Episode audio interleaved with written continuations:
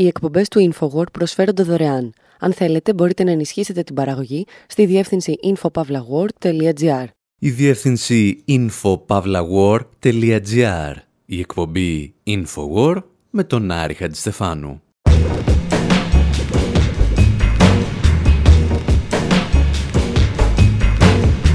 όπου σήμερα ανατρέπουμε ορισμένους μύθους για το Ισραήλ, τους οποίους πιστεύαμε κι εμείς.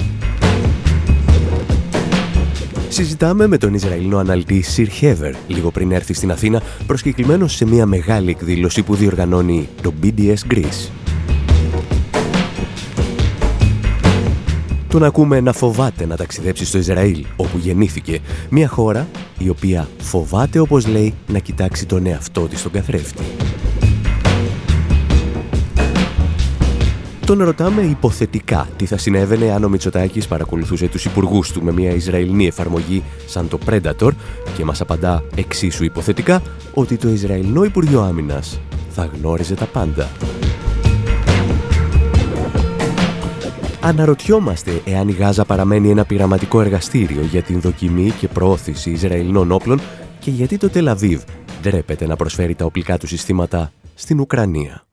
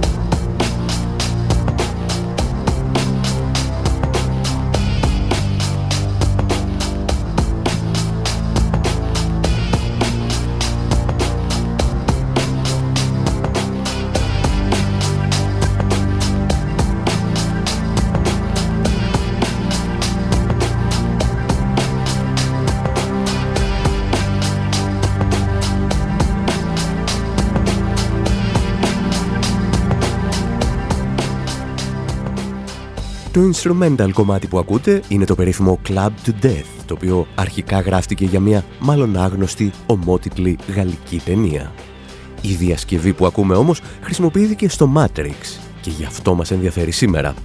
Για την ακρίβεια μας ενδιαφέρει η περίφημη σκηνή με το μπλε και το κόκκινο χάπι, όπου ο Μορφέος εξηγεί στον Νίο τους όρους του παιχνιδιού. Do you want to know what it is?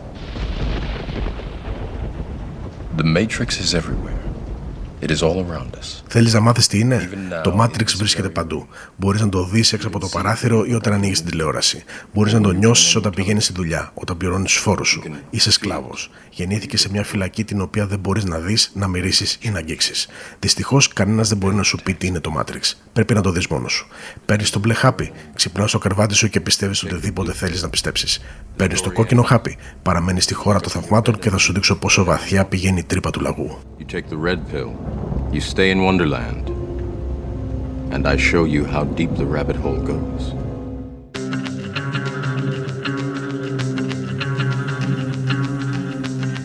Παρεπιπτόντος, λέγοντας τρύπα του λαγού, να σημειωθεί ότι αναφερόμαστε στο λαγούμι του λαγού από την Αλίκη στη χώρα των θαυμάτων. Ο Μορφέος λοιπόν παρουσιάζει τους δύο κόσμους που μπορεί να βιώσει κάποιος. Με τον μπλε χάπι βιώνεις μια εικονική πραγματικότητα και με το κόκκινο τον αληθινό κόσμο. Τη διάκριση δηλαδή που σε φιλοσοφικό επίπεδο περιέγραφε και ο Μποντεριάρ όταν μιλούσε για την έρημο του πραγματικού. Αυτό που εμείς θέλουμε να αποδείξουμε όμως σήμερα είναι ότι τα τελευταία χρόνια το Ισραήλ αποφάσισε να πάρει το μπλε χάπι και να δημιουργήσει μια φούσκα εικονικής πραγματικότητας μέσα στην οποία λαμβάνει όλες του τις αποφάσεις.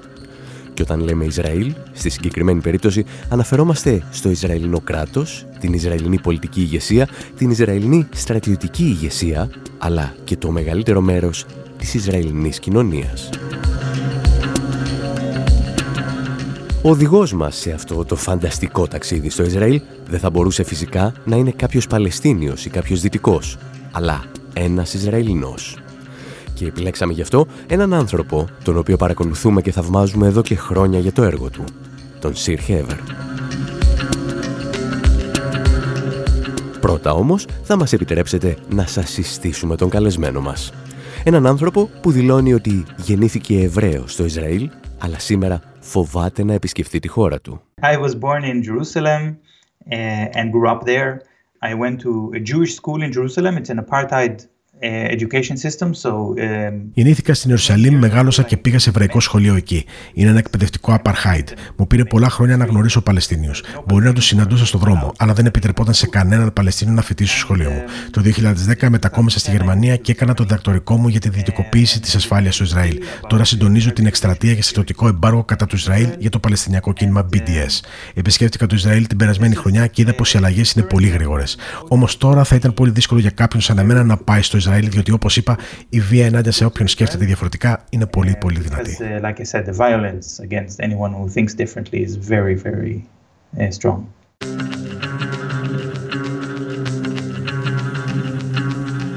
Στα βιβλία του, ο Σιρ Χέβερ αποκαλύπτει υπόγειες διασυνδέσεις του στρατιωτικού συμπλέγματος του Ισραήλ με τον ιδιωτικό τομέα, αλλά και με τις χώρες που προμηθεύονται όπλα και εφαρμογές κατασκοπίας Ταυτόχρονα όμως αποτελεί έναν από τους πιο συνεπείς επικριτές των εγκλημάτων του κράτους του Ισραήλ. Ο λόγος λοιπόν για τον οποίο φοβάται να ταξιδέψει στη χώρα του δεν είναι ότι φοβάται τον πόλεμο ή κάποια επίθεση των Παλαιστίνιων, αλλά το ενδεχόμενο να του επιτεθούν και να τον σκοτώσουν οι ομοεθνείς του. They are completely trapped in an internal um, bubble. Είναι εντελώς παγιδευμένη σε μια εσωτερική φούσκα. Και αυτή η φούσκα είναι τώρα πολύ επικίνδυνη. Στο Ισραήλ συμβαίνει κάτι που δεν έχω δει ποτέ στη ζωή μου. Αν ένας δημοσιογράφος πει κάτι επικριτικό για την κυβέρνηση, διακινδυνεύει τη ζωή του διότι ένας εξαγριωμένος όχλος μπορεί να του επιτεθεί και να σκοτώσει την οικογένειά του. Άνθρωποι συλλαμβάνονται από την αστυνομία επειδή διαδήλωσαν κατά του πολέμου ή επειδή έκαναν άρτη στο Facebook πως ίσως η δολοφονία μάχων δεν δικαιολογείται. Η αστυνομία πάει στα σπίτια τους και τους συλλαμβάνει. Είναι ένα περιβάλλον φόβου, ένα περιβάλλον σιωπής. Είναι σοκαριστικό και επικίνδυνο. Αλλά είναι αναγκαίο για τους Ισραηλινούς να κοινοποιήσουν ένα τέτοιο επίπεδο δημόσιας συνένεσης για να διαπάξουν αυτές τις φρικαλαιότητες στη Γάζα. Διότι αν ο λαός ξεκινήσει να θέτει ερωτήματα και να αντιτίθεται, τότε ολόκληρο το οικοδόμημα θα καταρρεύσει.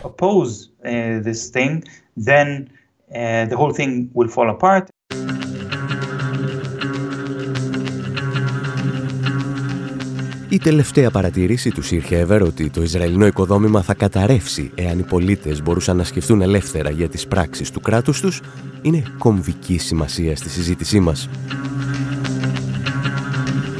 Αυτή η συζήτηση με τον Σιρ Χέβερ διέλυσε, όπως είπαμε, αρκετές από τις βεβαιότητες τις οποίες είχαμε και εμείς για την πολιτική του κράτους της Ισραήλ. Πιστεύαμε, παραδείγματος χάρη, ότι η συντριπτική πλειονότητα των επιχειρήσεων προπαγάνδας που πραγματοποιεί το Τελαβίβ έχουν ως στόχο τη διεθνή κοινή γνώμη. Αν θυμάστε μάλιστα, ως εκπομπή είχαμε συμμετάσχει σε μια τέτοια εκστρατεία προσποιούμενοι ότι στηρίζουμε τις θέσεις του Ισραήλ προκειμένου να διαπιστώσουμε πώς λειτουργεί αυτός ο τεράστιος μηχανισμός παραπληροφόρησης. Αυτό όμως, μου εξηγεί ο Σιρ Χέβερ, ανήκει εν πολύ στο παρελθόν. Το Ισραήλ δεν έχει πλέον ως προτεραιότητα να πείσει τη διεθνή κοινή γνώμη. Πρωτίστως πρέπει να πείσει τη δική του κοινή γνώμη.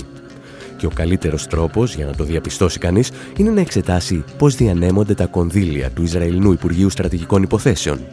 Αυτό που σε άλλες εποχές, άλλα καθεστώτα, αποκαλούσαν Υπουργείο Προπαγάνδας the Israeli government. They even established a special ministry in the government. It's called the Ministry for uh, Strategic Affairs. Η Ισραηλινή κυβέρνηση έχει δημιουργήσει και ειδικό Υπουργείο που ονομάζεται Υπουργείο Στρατηγικών Υποθέσεων. Παλαιότερα το ποσοστό του προπολογισμού του που χρησιμοποιούνταν για εσωτερική προπαγάνδα ανέρχονταν στο 20%. Τώρα με την τρέχουσα επιδρομή στη Γάζα βλέπουμε μια αλλαγή. Από το 20% φτάνουμε σχεδόν το 100% να κατευθύνεται σε εσωτερική προπαγάνδα. Γιατί σημαίνει αυτό, οι προσπάθειες της Ισραηλινής κυβέρνησης να πείσει τον πλανήτη πως η επίδυση στη Γάζα είναι δικαιολογημένη είναι πολύ μικρές. Δεν ξοδεύουν τόσα χρήματα και τόση προσπάθεια. Βλέπεις Ισραηλινούς αξιωματούχους που δίνουν συνεντεύξεις στο CNN και το BBC και λένε τρομακτικά πράγματα. Δεν προσπαθούν καν να προσποιηθούν πως αποφεύγουν να σκοτώσουν αμάχους, πως δεν εφαρμόζουν συλλογική τιμωρία ή πως δεν χρησιμοποιούν απαγορευμένα όπλα. Παραδέχονται αυτά τα εγκλήματα διότι δεν είναι πλέον σε θέση να συνομιλήσουν με τον υπόλοιπο κόσμο.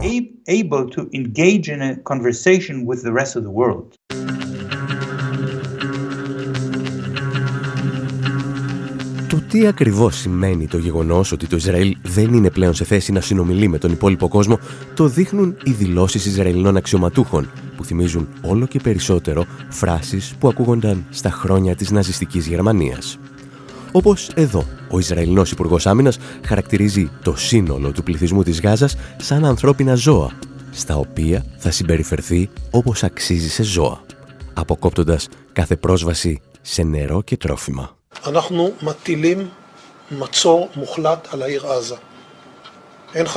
Ο Σιρ Χέβερ πάντως στη συζήτησή μας είχε ένα άλλο παράδειγμα να μου επισημάνει.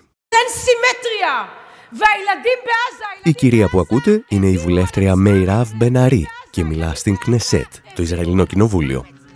Η Μέιραβ Μπεναρή δεν ανήκει στην άκρα ή την φασίζουσα δεξιά του Ισραήλ, αλλά στο κεντρό, ή αν προτιμάτε κέντρο αριστερό κόμμα Yes Και αυτό που μόλις ακούσατε να λέει στο Κοινοβούλιο είναι ότι τα παιδιά της Γάζας πρέπει να πεθάνουν για να τιμωρηθούν για τις πράξεις τους. There was a discussion in the Israeli parliament about the bombing of civilians in Gaza Υπήρξε μια συζήτηση στο Ισραηλινό Κοινοβούλιο για τον βομβαρδισμό αμάχων στη Γάζα. Κάποιος τη ρώτησε: Τι γίνεται με τα παιδιά στη Γάζα, Γιατί πρέπει να πεθάνουν; Και εκείνη απάντησε ότι τα παιδιά προκάλεσαν τον θάνατό τους. Νομίζω πως αυτό είναι ένα πολύ σημαντικό απόφευγμα, διότι δείχνει πως ο Ορθολογισμός έχει χαθεί. Όταν έλεγε πως τα παιδιά προκάλεσαν τον θάνατό τους, πίστευε πραγματικά ότι μπορεί να πείσει οποιοδήποτε εκτός Ισραήλ. Το επιχείρημα απευθύνεται μόνο σε μια κοινωνία που έχει υποστεί πλήση εγκεφάλου, δηλαδή μέσα στο Ισραήλ.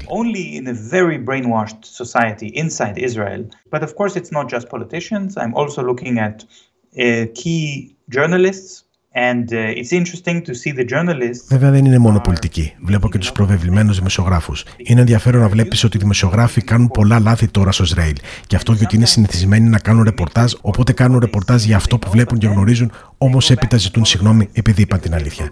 Ένας Ισραηλινός δημοσιογράφος είπε: Ναι, βομβαρδίσαμε το νοσοκομείο βαπτιστών Αλαχλή στη Γάζα. Αργότερα δημοσίευσε δημόσια συγγνώμη λέγοντας: Όχι, όχι, δεν εννοούσα αυτό. Άλλος δημοσιογράφος είπε πως το Ισραήλ εσκεμμένα σκότωσε την οικογένεια του επικεφαλής του γραφείου του Αλτζαζίρα στη Γάζα τη γυναίκα και τα παιδιά του. Και πάλι ύστερα από μια ώρα απολογήθηκε δημόσια. Όχι, όχι, δεν ήθελα να πω πως το Ισραήλ σκότωσε σκεμμένα αυτούς τους ανθρώπους. Είναι ενδιαφέρον να βλέπεις πως οι δημοσιογράφοι έχουν ακόμα κάποια δημοσιογραφικά ένσυχτα τα οποία χρειάζεται να καταπνίξουν διότι η δημοσιογραφία είναι πλέον νεκρή και δεν τους επιτρέπεται να αναφέρουν την αλήθεια.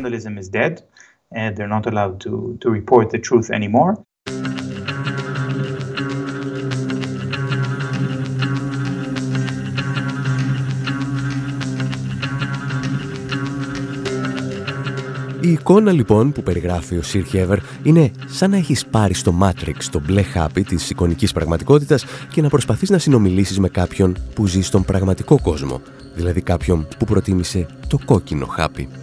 Ο δεύτερος δεν υπάρχει καμία περίπτωση να αποδεχθεί τις θέσεις σου. Και όταν το Ισραήλ δυσκολεύεται πλέον να βρει ανθρώπους που θα προωθήσουν την εικονική του πραγματικότητα, στρέφεται στην τεχνολογία. Τα bots και τις φάρμες των τρόλ.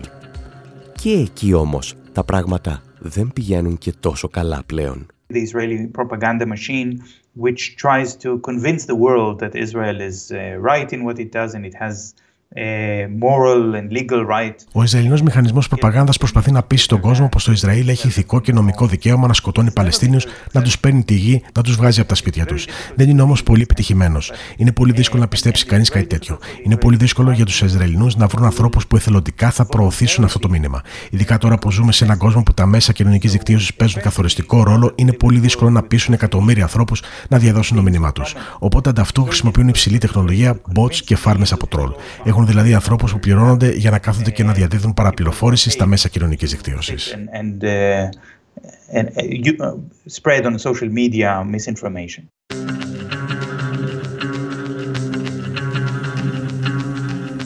Στην εκπομπή Infowar με τον Άρη Χατζηστεφάνου συζητάμε με τον Ισραηλινό αναλυτή Σιρ Χέβερ, τον οποίο σύντομα θα υποδεχθούμε και στην Ελλάδα. Το Σάββατο, 11 Νοεμβρίου, είναι προσκεκλημένος του BDS Greece, του ελληνικού τμήματος του Διεθνούς Αντιρατσιστικού Κινήματος για τον μποϊκοτάζ, την απόσυρση επενδύσεων και τις κυρώσεις εναντίον του κράτους του Ισραήλ. Μαζί του θα μιλήσει η Φιώνα Μπεντσεκρούν του BDS, ο δικηγόρος Θανάσης Καμπαγιάννης και η Παλαιστίνια καθηγήτρια Σουχάντ Νιεράτ. Τη συζήτηση θα συντονίσει η Λαμπρίνη Θωμά, δημοσιογράφος του The Press Project. Και όλα αυτά θα συμβούν στην αίθουσα Παπαρηγοπούλου της Νομικής Σχολής Αθηνών το Σάββατο 11 Νοεμβρίου στις 6 το απόγευμα. Εσείς μένετε εδώ, γιατί στο δεύτερο μέρος έχουμε αρκετούς ακόμη μύθους να καταρρύψουμε.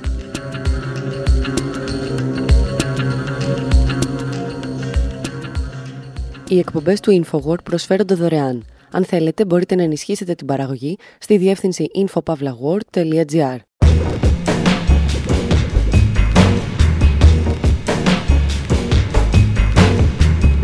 Εκπομπή InfoWord, μέρος δεύτερο. Όπου συνεχίζουμε την κουβέντα μας με τον Ισραηλινό ερευνητή Sir Heather λίγες ημέρες πριν έρθει στην Αθήνα για τη μεγάλη εκδήλωση του BDS Greece στις 11 Νοεμβρίου στη Νομική Σχολή Αθηνών. Τον ακούσαμε να περιγράφει τη φούσκα στην οποία ζει το Ισραήλ καθώς αδυνατεί πλέον να δικαιολογήσει τα εγκλήματά του στον υπόλοιπο κόσμο και έχει έρθει η στιγμή να βρεθούμε λίγο πιο κοντά στο πραγματικό αντικείμενο του συνομιλητή μας. Να δούμε πώς μεταφράζεται αυτή η φούσκα σε στρατιωτικό και γεωστρατηγικό επίπεδο. Ακόμη, να συζητήσουμε για τις Ισραηλινές εφαρμογές υποκλοπών και τι μπορεί να σημαίνει το γεγονός ότι χρησιμοποιούνται και στη χώρα μας.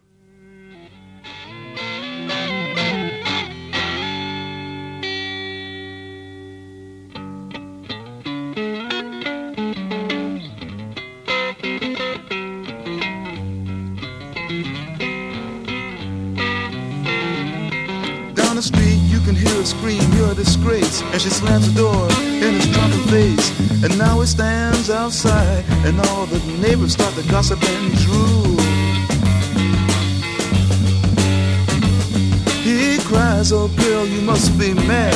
What happened to the sweet love you and me had? Against the door he leans and starts a scene, and his tears fall and burn a garden green. And so castles made of sand fall in the sea eventually. A little Indian brave who, before he was ten, played war games in the woods with his Indian friends. And he built a dream that when he grew up, he would be a fearless warrior, Indian chief. Many moons passed, and more the dream grew stronger till tomorrow he would sing his first war song and fight his first battle. But something went wrong, surprise attack, Ο Τζίμι Χέντριξ τραγουδά για κάστρα που χτίζονται στην άμμο και κάποια στιγμή καταλήγουν στη θάλασσα. Τραγουδά για κάποιον που ονειρευόταν ότι θα μεγαλώσει για να γίνει μεγάλος πολεμιστής, αλλά μια μέρα σκοτώθηκε σε μια ευνηδιαστική επίθεση. Και αν σας θυμίζουν κάτι όλα αυτά, είναι γιατί έγιναν πραγματικότητα στις 7 Οκτωβρίου, όταν η Παλαιστινιακή Οργάνωση Χαμάς πραγματοποίησε μια ευνηδιαστική επίθεση εναντίον του Ισραήλ. I got to start first with surprise attacks in Israel. Prime Minister Benjamin Netanyahu says that Israel is now at war with Hamas. In fact, Καθώς τα διεθνή μέσα ενημέρωσης μεταδίδουν τις πρώτες πληροφορίες της επίθεσης, ξεφυσώντας πολύ δημοσιογραφικά στον αέρα, ο κόσμος παρακολουθεί το Ισραήλ να περνά σε κατάσταση ολοκληρωτικού σοκ. Μια φερόμενη στρατιωτική υπερδύναμη που παρουσιαζόταν στις διεθνείς εκθέσεις οπλικών συστημάτων σαν ένας θεός που βλέπει και μπορεί να αντιμετωπίσει τα πάντα είχε μόλις πιαστεί στον ύπνο. Για τον Σιρ Χέβερ με τον οποίο συνομιλούμε σήμερα, αυτός ο ευνηδιασμός ήταν απόλυτα αναμενόμενος. Ήταν, λέει, η απεικιοκρατική αλαζονική ύβρις μιας χώρας που νόμιζε ότι θα μπορεί να διατηρεί για πάντα έναν λαό υπό ολοκληρωτική κατοχή. The mistake of Israelis to think that this is somehow sustainable, that they can use technology and intelligence and a strong military. Το λάθος των Ισραηλινών είναι πως νόμιζαν ότι είναι βιώσιμο, πως μπορούν να κρατούν τους Παλαιστίνους υπό έλεγχο για πάντα χρησιμοποιώντας τεχνολογία, τις υπηρεσίες πληροφοριών και το στρατό. Είναι βασισμένο σε μια βαθιά απεικιοκρατική αλαζονία. Είναι μια απεικιοκρατική κοινωνία. Έχουν τόσο συνηθίσει να έχουν τους Παλαιστίνους αδύναμους και ανυπεράσπιστους, που όταν ήρθε η επίθεση ευθυνδιάστηκαν ολοκληρωτικά. Δεν ήταν προετοιμασμένοι. Όλες οι εσωτερικές έρηδες, οι αδυναμίες της Ισραηλινής κοινωνίας, του στρατού, της τεχνολογίας έγιναν εμφανείς.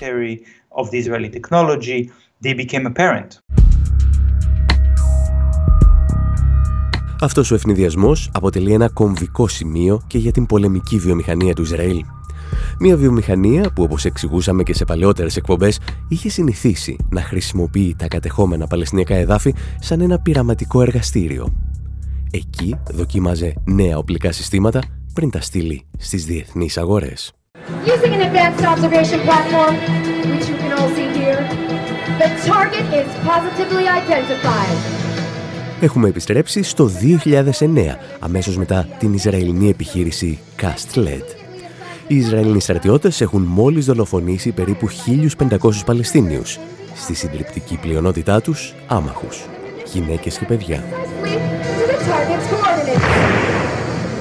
Η δική μας ιστορία όμως δεν εκτιλήσεται στη Γάζα.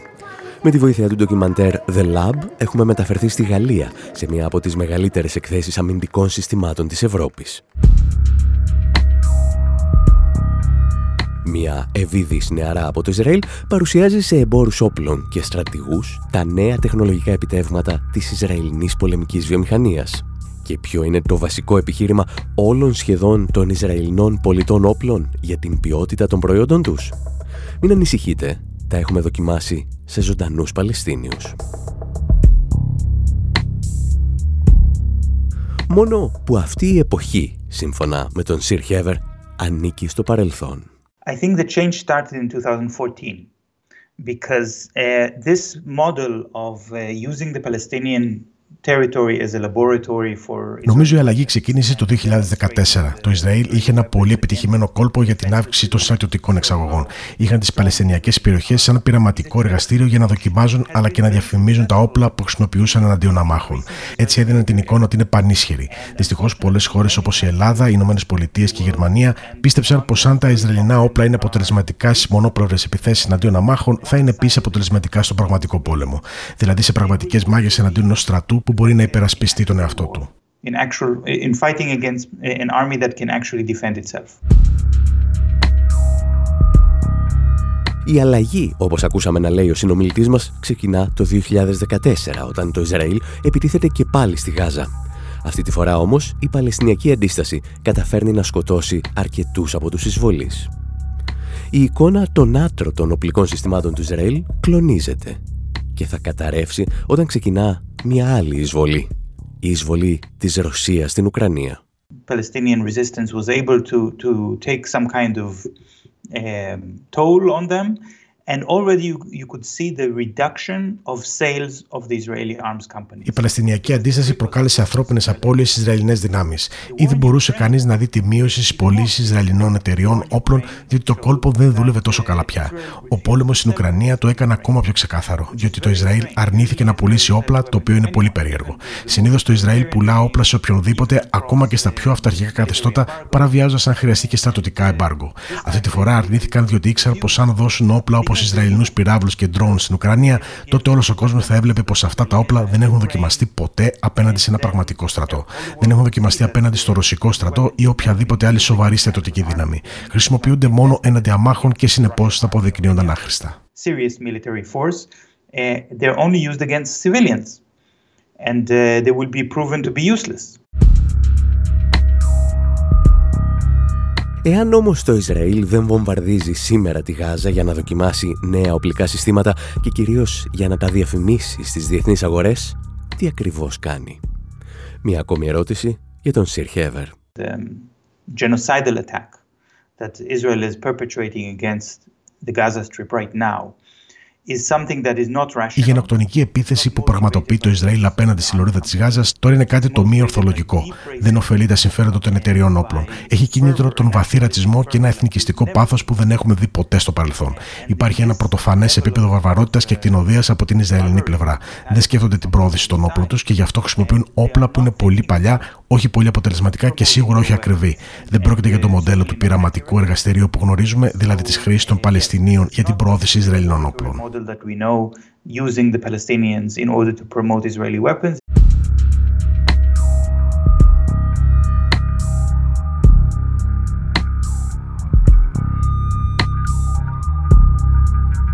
Η συζήτηση με τον Σιρ Χέβερ συνεχίζεται και σύντομα φτάνει στο θέμα με το οποίο ασχολείται επισταμένα τα τελευταία χρόνια. Την Ισραηλινή βιομηχανία κατασκοπίας και υποκλοπών. Και εδώ το θέμα αφορά ακόμη πιο άμεσα την Ελλάδα Περισσότερα ύστερα από αυτό.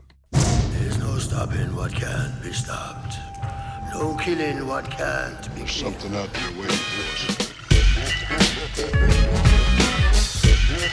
There's something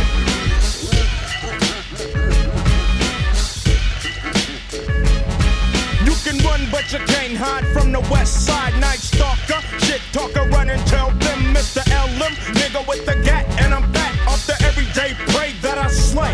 Rolling with a quotation through South Central. Monkey Rinse hoe shit, know that. She'll get the bow sack, cause I'm not starving. But fuck that, Johnny Carson hoe. Never had me on a late night show.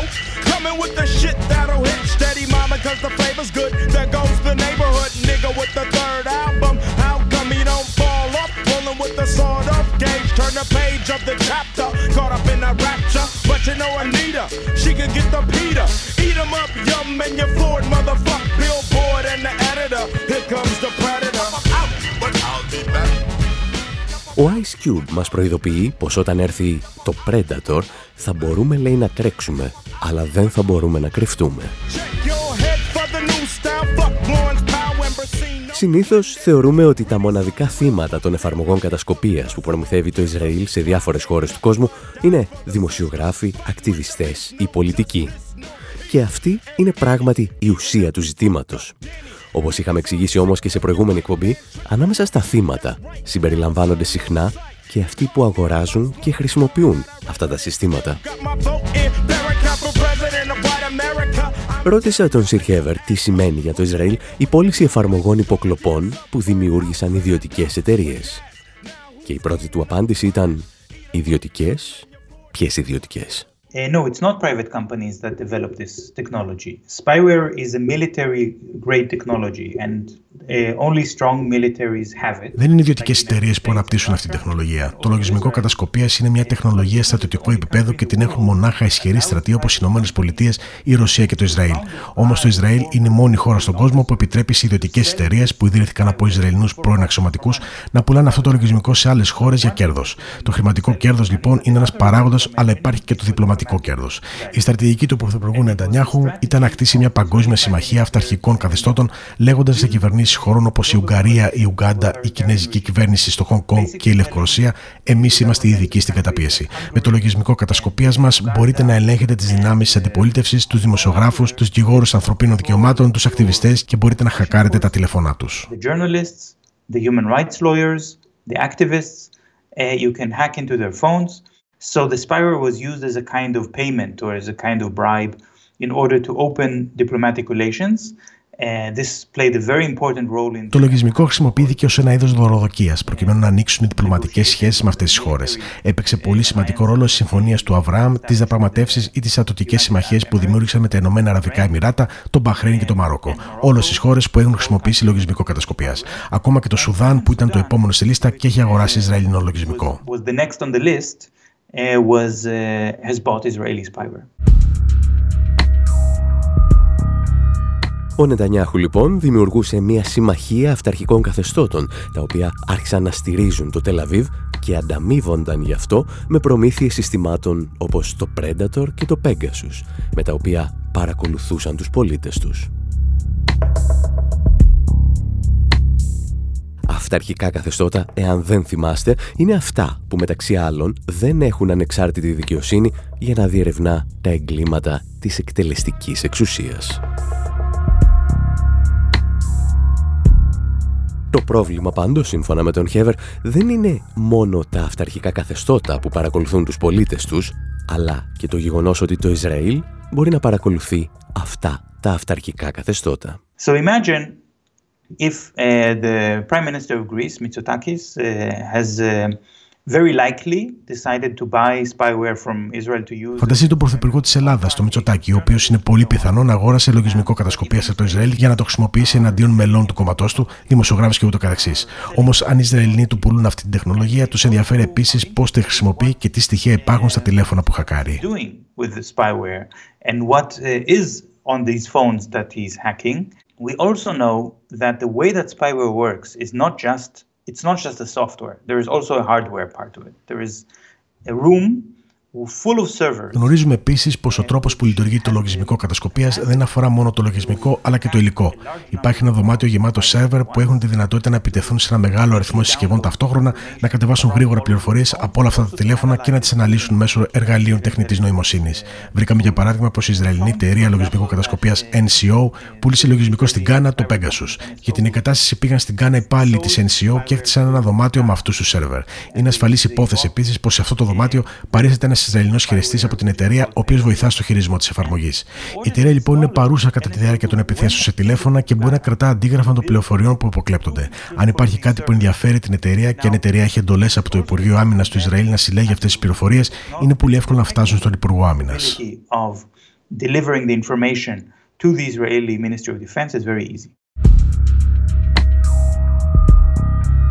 Όπως έχουμε βαρεθεί να εξηγούμε τα τελευταία χρόνια, ο βασικός λόγος για τον οποίο κάποιος προμηθεύεται εφαρμογές υποκλοπών από το Ισραήλ δεν είναι για να μαθαίνει τι λένε οι αντίπαλοι του, αλλά για να έχει στοιχεία ώστε να εκβιάζει αυτούς τους αντιπάλους. Και αν αυτές οι εφαρμογές έχουν παράθυρα, τα γνωστά backdoors, με τα οποία οι πληροφορίες φτάνουν απευθείας σε Ισραηλινές υπηρεσίες πληροφοριών, το ποιος εκβιάζει ποιον γίνεται ακόμη πιο σύνθετο και σίγουρα πολύ πιο ενδιαφέρον ειδικά σε περιπτώσεις που αισθάνεσαι την ανάγκη να βάλεις ξένους ηγέτες να δικαιολογήσουν μια γενοκτονία που τυχαίνει να πραγματοποιείς στα σύνορα της χώρας σου.